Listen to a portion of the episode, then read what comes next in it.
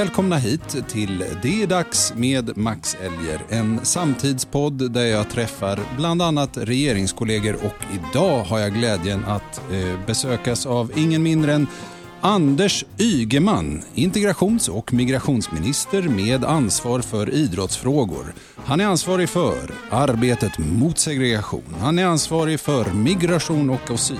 Han är ansvarig för nyanländas etablering samt idrotten. Hjärtligt välkommen hit Anders.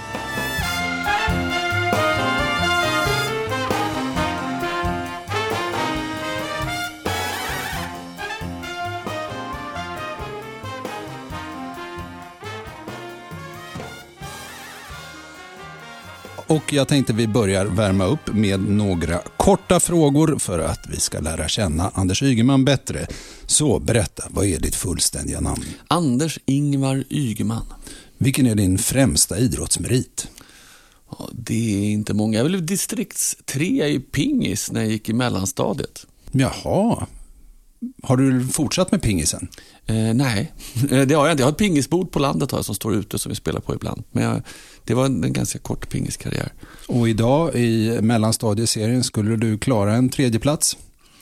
Nej, det tror jag faktiskt inte. Jag tror ungarna är, är betydligt duktigare nu än vad, vi, vad jag var på min tid.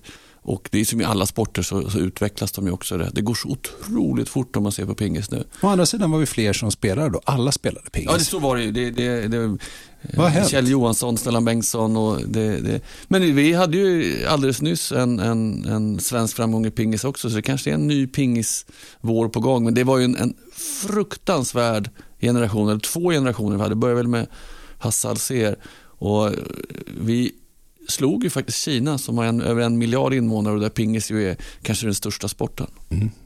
Åter till de korta frågorna. Hårdrockare eller syntare? Både och faktiskt. Det går inte. Jo, jag var, jag var hårdrockare när jag kanske gick så här mellanstadiet, eh, början av högstadiet. Gick ut högstadiet och början av gymnasiet som syntare. Oj då. Eh, har du talat med hårdrockarna om det här?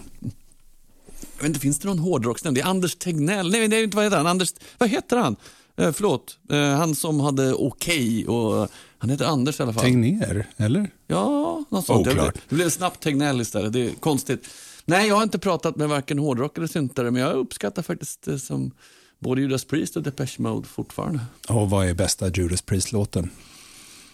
Eh, det är nog, det vanligaste man brukar säga är Breaking the Law, eh, men jag, eh, och det är kanske är extra roligt för mig, men, men Electric Eye kanske.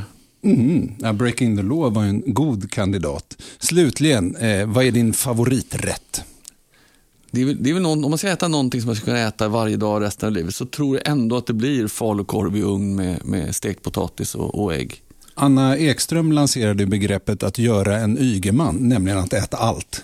Ja, det, jag, är, jag äter nästan allt utom svamp, ädelost och oliver. Um, så det gör jag absolut. Och jag antar att hon, hon skvallrade om min förmåga att när vi har regeringslunch så ta lite av varje. Och det är väl också för att jag är, det, jag hoppas att det är ett av, av kanske få positiva drag. Jag är ganska nyfiken av mig och därför vill jag också gärna smaka på lite olika för att veta vad som är godast. Sist men inte minst, vilken är den bästa Djurgårdssången? Och det är väl Sjung för gamla Djurgården som vi går in till. Uh, sen har det gjorts ett antal, just det har gjort någon bra, någon bra Djurgårdstagning. Tåström hade väl någon lite sämre Djurgårdstagning, men jag försökte lyssna på den på Spotify, men jag hittar den inte här. Men förklara en sak, du är från Hagsätra, är inte det Bajenland? Det var väl det kanske. Nej, men det, jag, jag har nog haft min beskärda del av Bajen i min uppväxt. ICA-butiken i Hagsätra sponsrades av Bajen. Så Billy och Kenta Olsson var där och skrev autografer. Jag tror att någonstans hemma man kan hitta en, en bajen plånbok och något, något grönvitt halsband. Men jag har alltid varit djurgårdare. Jag tror inte det finns något, något eh, rationellt skäl bakom det. Men man skulle säga att då, precis som nu, så hade ju Djurgården laget i förorten. Så det finns ju eh, andra som har spelat i, i Djurgården Hagsätra till exempel. Mm -hmm. Så de hade lag där, även om jag spelade i Rågsved. Okej. Okay. De hade en liten Djurgårdsö i Hagsätra. Ja, mm. och det har vi, Djurgården kör fortfarande verksamhet ute i, i förorterna. Mm, påminner om Sollentuna. Om man spelade hockey var man djurgårdare, spelade man fotboll var man aik -are. Ungefär.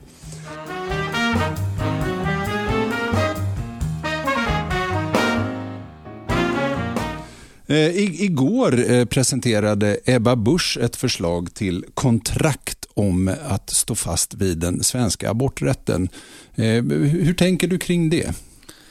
Det är ju ganska anmärkningsvärt att hon behöver skriva på ett kontrakt för att hon ställer upp på den svenska lagstiftningen. Det ger vi vid handen att det finns starka tvivel på om Kristdemokraterna gör det. Och Bakgrunden till det är väl att man har Europaparlamentariker som gång på gång har röstat emot eh, aborträtten i EU.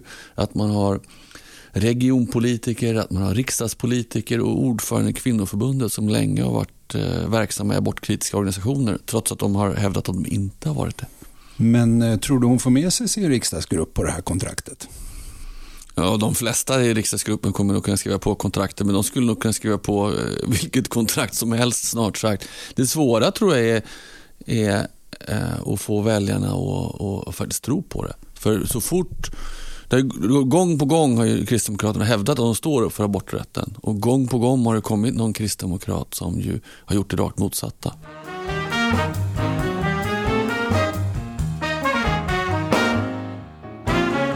Ytterligare aktualiteter. Du är ju idrottsminister. Du måste titta på det här.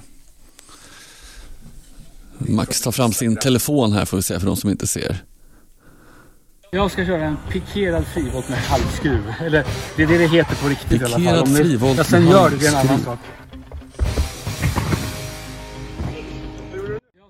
Vad där är en pikerad halvvolt med halvskruv? Hur ska vi förhålla oss till det här? Ja, det är väl att, det, att han vill visa upp en, en, eh, en mer frimodig sida av sig själv kanske. Och som idrottsminister, vad, vad tyckte du om utförandet? Ja, hade det varit en idrottsman som har gjort det så hade jag inte varit våldsamt imponerad. Men eh, för, eh, bland partiledarkretsen tror jag att han är den som slår bäst frivolter. Det är jag ganska övertygad om. Ja, alltså det jag just har visat är en litet klipp från Instagram där moderatledaren Ulf Kristersson eh, genomför en, eh, vad jag förstår, pikerad frivolt med halvskruv. Eh, jag har själv eh, lite svårt att förhålla mig till det. På, på ett plan tycker jag att han är väldigt duktig bland i partiledarkretsen och eh, skulle jag säga, jag själv skulle aldrig kunna genomföra en, en sån här pikerad frivolt med halvskruv. Men, men frågan är, är det en, är det en okej reaktion att säga duktigt Ulf? Vad vore, vore en annan reaktion? Jag vet inte. Eh, någon kanske tycker att det är lite fjantigt. Eh, men ja, ja, ja, vill han slå frivolter så får han gärna göra det. Men man, vill man vara ännu långsöktare kan man göra, dra något, något skämt om de volterna han har slagit i svensk politik med misstroendevotum gång på gång. Så, och jag, jag misstänker väl att han kommer få stå ut med att det där klippet kanske visas mer i de sammanhangen för att illustrera det än för illustrera hans eh, spänstiga vader. Eh, han har onekligen en förmåga att eh, slå volter. Eh, jag bara känner själv att om jag, min reaktion är duktigt Ulf så känns det lite nedlåtande. Jaha. Men du menar att det skulle uppfattas som uppskattande?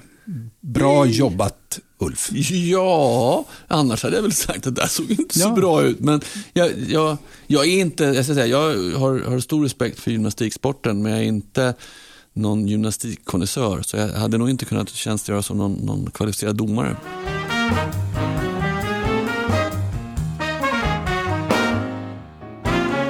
Eh, hur går det med rappkarriären?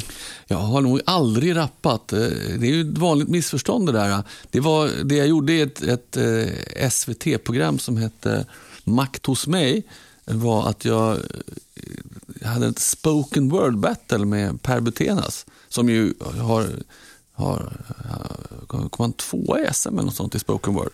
Aha, uh, så, så, det var inte rap det jag såg, utan nej. det var spoken word. Precis ja, så. Det förklarar saken, ska det tilläggas. Sen kanske man inte tycker jag var bra på det heller, men, men det, jag ska säga att jag hade enorm ångest när jag hade gjort det där. Uh, för det, man är ju alltid lite så här, ska jag göra det eller ska jag inte? Men jag tänkte ändå, mm. jag tycker det var ett riktigt bra programidé av SVT. Där istället för att unga fick komma till makten så kom makten hem hos dem och sov över och sådär och var med dem ett dygn. Och då ville han att vi skulle göra det där. Och då tänkte jag, fan, då måste vi göra det. Eh, men sen gick det ett halvår tror jag efter att jag gjort det tills att programmet sändes. Så det var ett halvårs ångest? Ja, det var hemskt faktiskt. Nu, tycker, nu är jag ganska stolt över att jag ändå gjorde det, men då var det fruktansvärt. Vi ska, vi ska lyssna på eh, Ygemans spoken word. Jag är ett slott, du är en koja. It's the sound of the police. Förlåt för snut, noja. Skämt åsido. Tack för öppen dörr. Tack från minnena från förr. Tack från en politisk nörd. Tack för dina ord i din spoken word. Sista raden, sista ordet. Sista tankarna från bordet. Ring inte mig, jag ringer dig. Ja, det var ju spoken word snarare än rap eh, kan vi eh, gemensamt konstatera. Det förklarar ju en, en del. KRS One, är det en favorit? Nej, det är väl en liten hommage till eh, Eh, den förra eh, justitieministern som körde den som en av sina låtar på eh, Almedalen på det här eh, DJ-battlet. Jaha. Och fick lite uppmärksamhet kring det. Så det är en liten blinkning där. Eh, sen har jag blivit våldsamt trakasserad för, eh, även av mina barn, för mitt hemska polissirensljud. Jag vet inte om ni kör det här, men...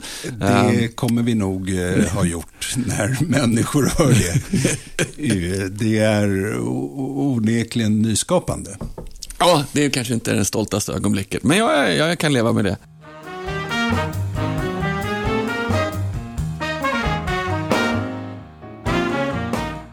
Till några frågor från eh, eh, de som följer den här podden på Instagram. Eh, Björn undrar hur Ygeman upplevde att vara den tidens Anders Tegnell och det han syftar på är det som rådde år 2015-2016, nämligen Ygemanian.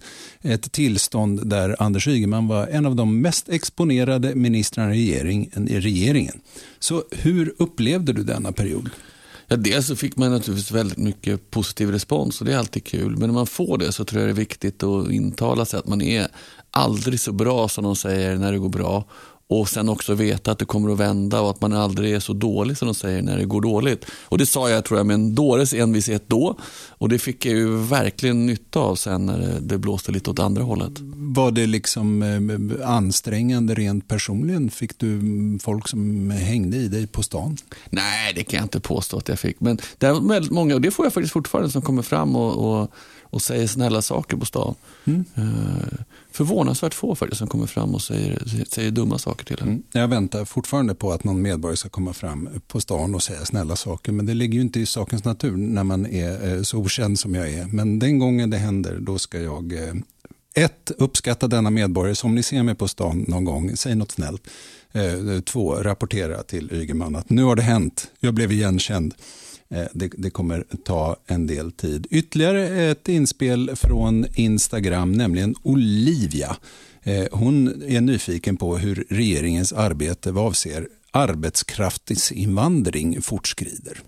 Nej, men vi har gjort väldigt mycket. Vi, har, vi vill höja sanktionsavgifterna eh, om du använder dig av, eller utnyttjar personalen. Vi, vill ha, vi har infört bindande anställningsavtal så du måste ha ett anställningsavtal innan och att det är bindande så att du kan få ut de pengarna som du har rätt till. Eh, vi eh, förbättrar kontrollen eh, vi vill ha en arbetsmarknadsprövning så att vi inte får hit väldigt många människor till yrken där, det, där vi redan har överskott och där många slåss om att få ett jobb. Eh, och vi vill införa eller höja lönegolvet så att det, vi får mer kvalificerad arbetskraftsinvandring. För det är ju så att arbetskraftsinvandring till de här mer högkvalificerade yrken är något positivt och bra som vi ska välkomna till Sverige. Medan städare och diskar och annat där vi faktiskt har överskott, det skapar en väldig massa problem och gör att flyktingar som kommer till Sverige inte kommer in på svensk arbetsmarknad. Okej, och varför har vi denna liberala arbetskraftsinvandringslagstiftning? Ja, den infördes under Moderaterna regeringsåren med slagordet att vi skulle ha världens liberalaste arbetskraftsinvandring. Och det har vi också fått. Och det fick vi också. Mm. 230 000 människor har kommit hit till Sverige sedan dess som arbetskraftsinvandrare, varav majoriteten till yrken som vi inte har brist på eller som är okvalificerade. Okej, men vad kommer då att hända med eh, restaurangnäringen och annat som inte får tag på diskare och kockar när du har genomfört din nya lagstiftning? Ja, först och främst så, så, har vi väldigt många som går arbetslösa i Sverige som skulle kunna ta de här jobben. Sen kan man ju rekrytera medarbetare från EUs alla 27 medlemsländer. Så det finns ju en del att ta av. Och klarar man inte att rekrytera där till ett okvalificerat jobb, ja då är sannolikt löner och arbetsvillkor för dåliga i den branschen.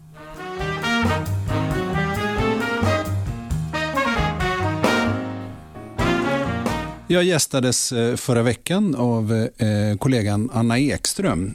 Eh, förutom att ta upp frågan om att göra en Ygeman i regeringslunchen så nämndes ditt namn vid ett annat, vid ett annat tillfälle.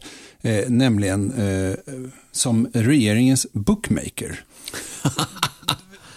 Hon, hon uppgav att du inte riktigt hade fullgjort dina plikter som bookmaker.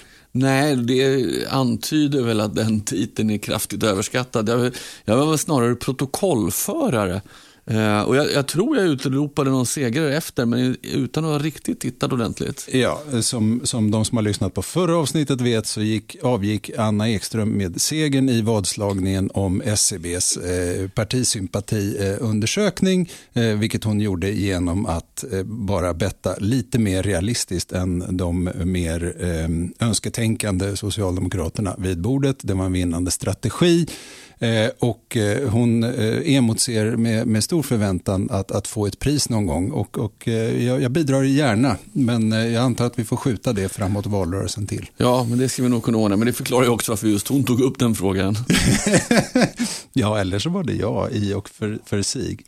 Eh, berätta, en annan fråga du jobbar mycket med det är regeringens första prioritering att eh, knäcka segregationen och motverka den organiserade brottsligheten. Eh, hur fortskrider arbetet? Jag skulle säga att vi under en lång tid i Sverige har misskött segregationen och de segregerade områdena. Och den försöker vi nu bryta med ett antal åtgärder. Vi inför krav på svenska och samhällskunskap eh, kunskap för att få permanent uppehållstillstånd och motsvarande fast med lite högre nivå för att få svenskt medborgarskap. Vi ser till att, att göra det tydligt att man ska lära sig svenska och, och arbeta och, och ställa de kraven tydligt. Men också öppna nya dörrar för att man faktiskt ska kunna göra det. Det vill säga underlätta för människor att lära sig svenska, underlätta för människor att skaffa sig ett jobb, men också tydliga krav. På, och vilket gör att vi inför ett, ett um, sysselsättningskrav i försörjningsstödet. Det vill säga, du ska inte under lång tid kunna gå på det som tidigare hette socialbidrag och som numera heter försörjningsstöd. Eh, och är det kommunen som ska liksom övervaka detta aktivitetskrav? Ja, och också se till, kommunen har också ansvar för SFI och se till att den håller en sån standard så att när du har gått igenom SFI, att du kan svenska och kan klara det i det svenska samhället. För det är klart att man kan säga att i Sverige klarar du väldigt bra på engelska. Kommer du hit som indisk eh, ingenjör eller någonting så du, många kan engelska. Men för att bli en del av det svenska samhället då är det helt nödvändigt att man också kan det svenska språket och att man har grundläggande samhällskunskapskrav. Vad har man för rättigheter? Vad har man för skyldigheter i Sverige? Eh, och Det tycker jag också är rimligt att vi då provar i ett, ett prov så vi kan säkerställa att alla de som har gått igenom de utbildningar vi erbjuder också har de kunskaper som krävs. Men som du konstaterar, det är ju rätt många i Stockholm som inte pratar ett ord svenska men klarar sig alldeles utmärkt ändå. Är inte det här bara ett spel för gallerierna? Nej, det är ett, de får gärna vara här och jobba en, en säsong och prata engelska men ska de ha ett permanent uppehållstillstånd i Sverige Eh, då får de lära sig en, en viss nivå av svenska upp till nivå C i, i SFI, eller kurs C i SFI. Och vill de bli svenska medborgare sen, då är det ytterligare ett snäpp. Eh, och det är ju det, det som jag tror kommer krävs för att man ska vara här under en längre tid.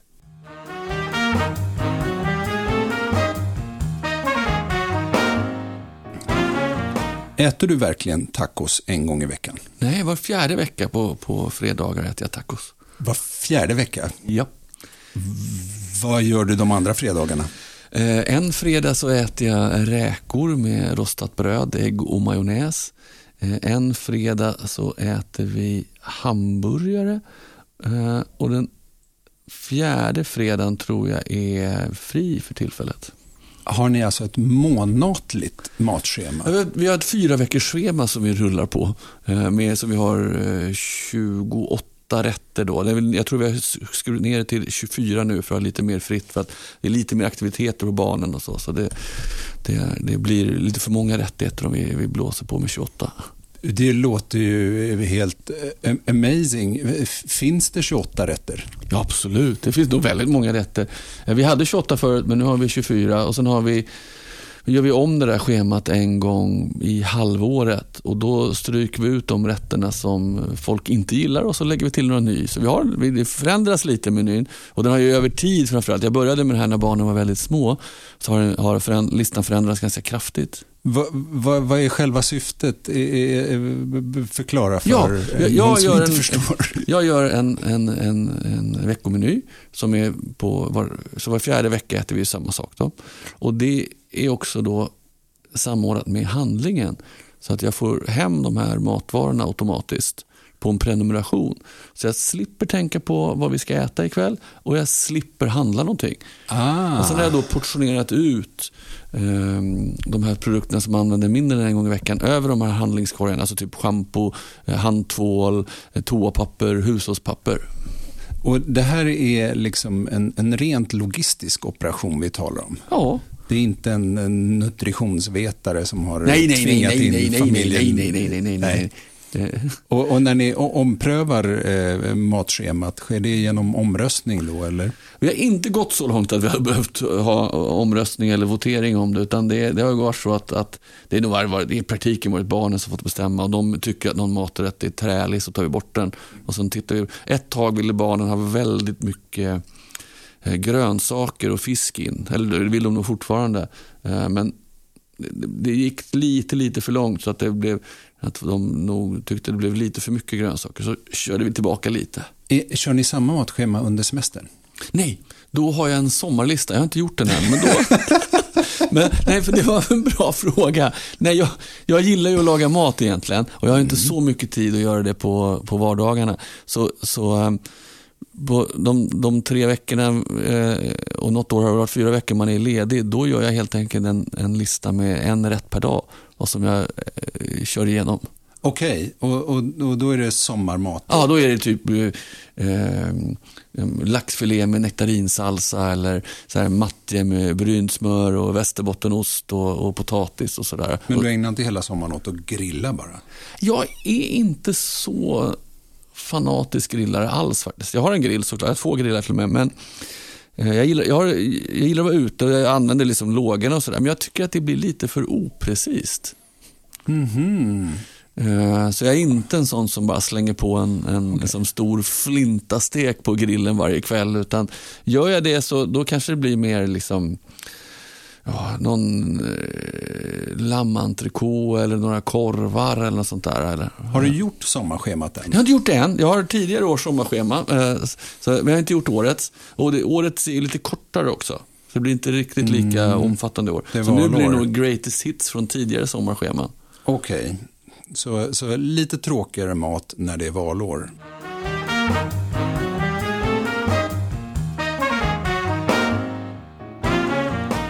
En eh, fråga som har dykt upp, eh, det är ju, eh, vi talade tidigare om dina ansvarsområden i regeringen. Har, har du fått idrottsportföljen som kompensation för att det är så eländigt överallt annars? Nej, det tror jag inte. Men, men eh, eh, jag är väldigt glad över att ha fått idrotten och jag tycker ju att den eh, hänger ihop på ett bra sätt med integrationen. För när vi har avskaffat den allmänna värnplikten, även om vi nu har lyckats, som Moderaterna gjorde, vi har återinfört den nu, men den är ju fortfarande i ganska liten omfattning. Och när friskolereformen har, har slagit sönder den sammanhållna skolan, då tror jag att idrotten är den plats där vi möter mest människor med olika bakgrund i samhället. Men handen på hjärtat, tror du att du är regeringens sportigaste minister? Eh, ja, ja, det tror jag kanske också. ja, ja, ja, ja, det, det, jag har, jag har ingen, ingen bättre kandidat och så tillvida kan man ju förstå statsministerns överväganden eh, när portföljerna allokerades. det är väl några andra som är sportintresserade ganska mycket också, men jag tror att eh, eh, jag, jag, jag ligger väl i topp i alla fall. Eh, Och vad är det du ägnar dig åt då? Bara? För egen del Ja. så, så har jag ju eh, spelat fotboll eh, och gjort en del friidrott. Men, men nu är jag nog mer en sporttittare än en sportutövare. Och vad tittar du helst på? Jag tittar helst på fotboll. Och jag är ju djurgårdare men, men som idrottsminister så förhåller jag mig naturligtvis neutral. Och, och upplever du fantomsmärtor inför att VM inte har varit ännu? Nej, Eh, jag tycker däremot inte den borde ha varit i, i Qatar överhuvudtaget. Men jag ser ju fram emot EM som ju börjar i, eh, i, i- i England i sommar där Sverige ju räknas som den absoluta favoriten. Och i kväll, det vill säga tisdagen innan det- det- när vi spelar in det här så är det ju dags för Sverige-Brasilien på Friends Arena som, där vi kommer med råge utradera publikrekordet i, i damfotbollen. Det är över 30 000 biljetter sålda. Man pratar om 33-34 000 kanske kan komma. Och det tidigare damfotbollsrekordet i Sverige för landslaget är ju 25 000. Så jag tror att Sverige-Tyskland. Och du är en del av publiken. Det är absolut. Härligt. Ja. Och på söndag är det derby. Söndag är det derby och det är ju kanske inte högtidsdagarna för oss eh, Djurgårdare, eller har inte varit det i alla fall. Eh, nu går vi in i det här ganska, eh, ganska stärkta. Vi vann 5-2 Sundsvall. Hammarby spelade lika mot eh, Häcken. Med andan i halsen får man säga. Jag tror Häcken tog ledningen med, med 2-0 och, och det blev 2-2 till slut. Eh, Så jag hoppas väl att vi ska ta, ta tre poäng mot, mot Hammarby. Men vi har ju vunnit allsvenskan förut utan att ha vunnit något derby. Är det sant? Ja, vi förlorade alla derbyn men vann allsvenskan. Så eh, det, nu hoppas jag att den, den trenden är lite bruten med att vi ska kunna vinna allsvenskan och vinna derbyn. Men det, det återstår att se. Ja, och jag önskar väl bägge dessa lag lika stor lycka och eh, hoppas väl då på ett oavgjort resultat då ju den sammanlagda poängen blir lägre för detta kollektiv.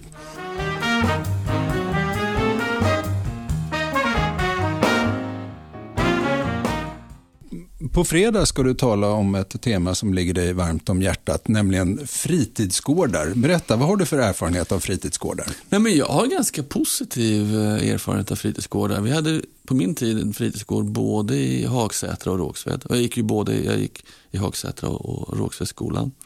Eh, och jag tycker nog att i grunden att de hade en bra verksamhet. Och framförallt är det väl bra om, om samhället vill fånga upp dem som är lite på glid. Att det finns någon plats att vara på och någon plats där det finns andra vuxna på. Men, men du får ursäkta, alltså, fritidsgården i Rågsved har ju närmast mytologiska dimensioner för eh, några av oss. Så, så var det där du grundlade ditt punkintresse? Nej, det var nog bara av att växa upp i Hagsätra och Rågsved som, som jag fick ett punkintresse. Det är svårt att undvika. Sen lig, låg ju fritidsgården, i, eller ligger fritidsgården vägg i vägg med Folkets hus.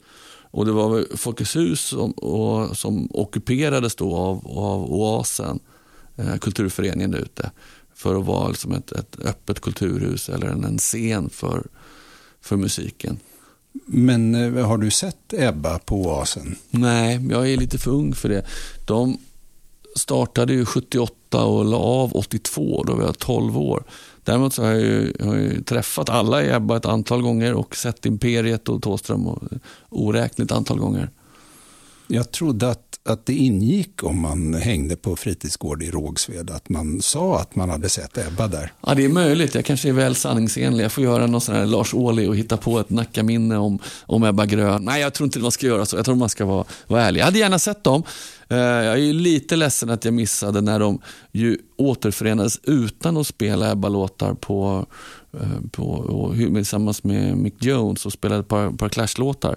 Sen lät det ganska bedrövligt när man ser videon därifrån, men det hade varit väldigt roligt att vara där. Jag är inte säker på att det lät bättre på Oasen, men den som vet, det är ju Karl-Petter Thorwaldsson. Har han sett, vad heter Ebba Grön av alla människor? Han vallfärdade till oasen då det begav sig för att ta del av detta. Så vi får väl prata med honom om, om det när vi kommer så långt. Men som sagt, på fredag är det ett pressträff om fritidsgårdar och eh, där finns det erfarenhet att gräva i hos Ygeman.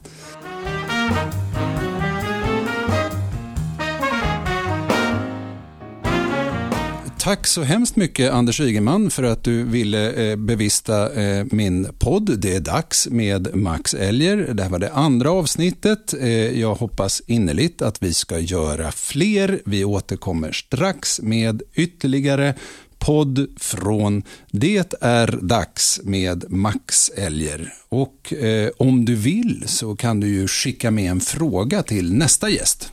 Och vem är det? Det vet vi inte. Oj! Det, då blir det ju... Ehm, då ställer jag frågan så här. Eh, vad borde Max Elger göra för att medborgarna ska komma fram och eh, berömma honom på gatan? Det är ju en mycket bra fråga. Vad borde jag göra utöver att starta podden? Det är dags med Max Elger. Eh, vad borde jag göra för att medborgarna ska komma fram och säga snälla saker var det fråga om till mig på gatan? Eh, tips emottages tacksamt från detta okända statsråd och än en gång tusen tack till alla er som har lyssnat och likaledes tusen tack till Anders Ygeman för att du gästade Det är dags med Max Elger.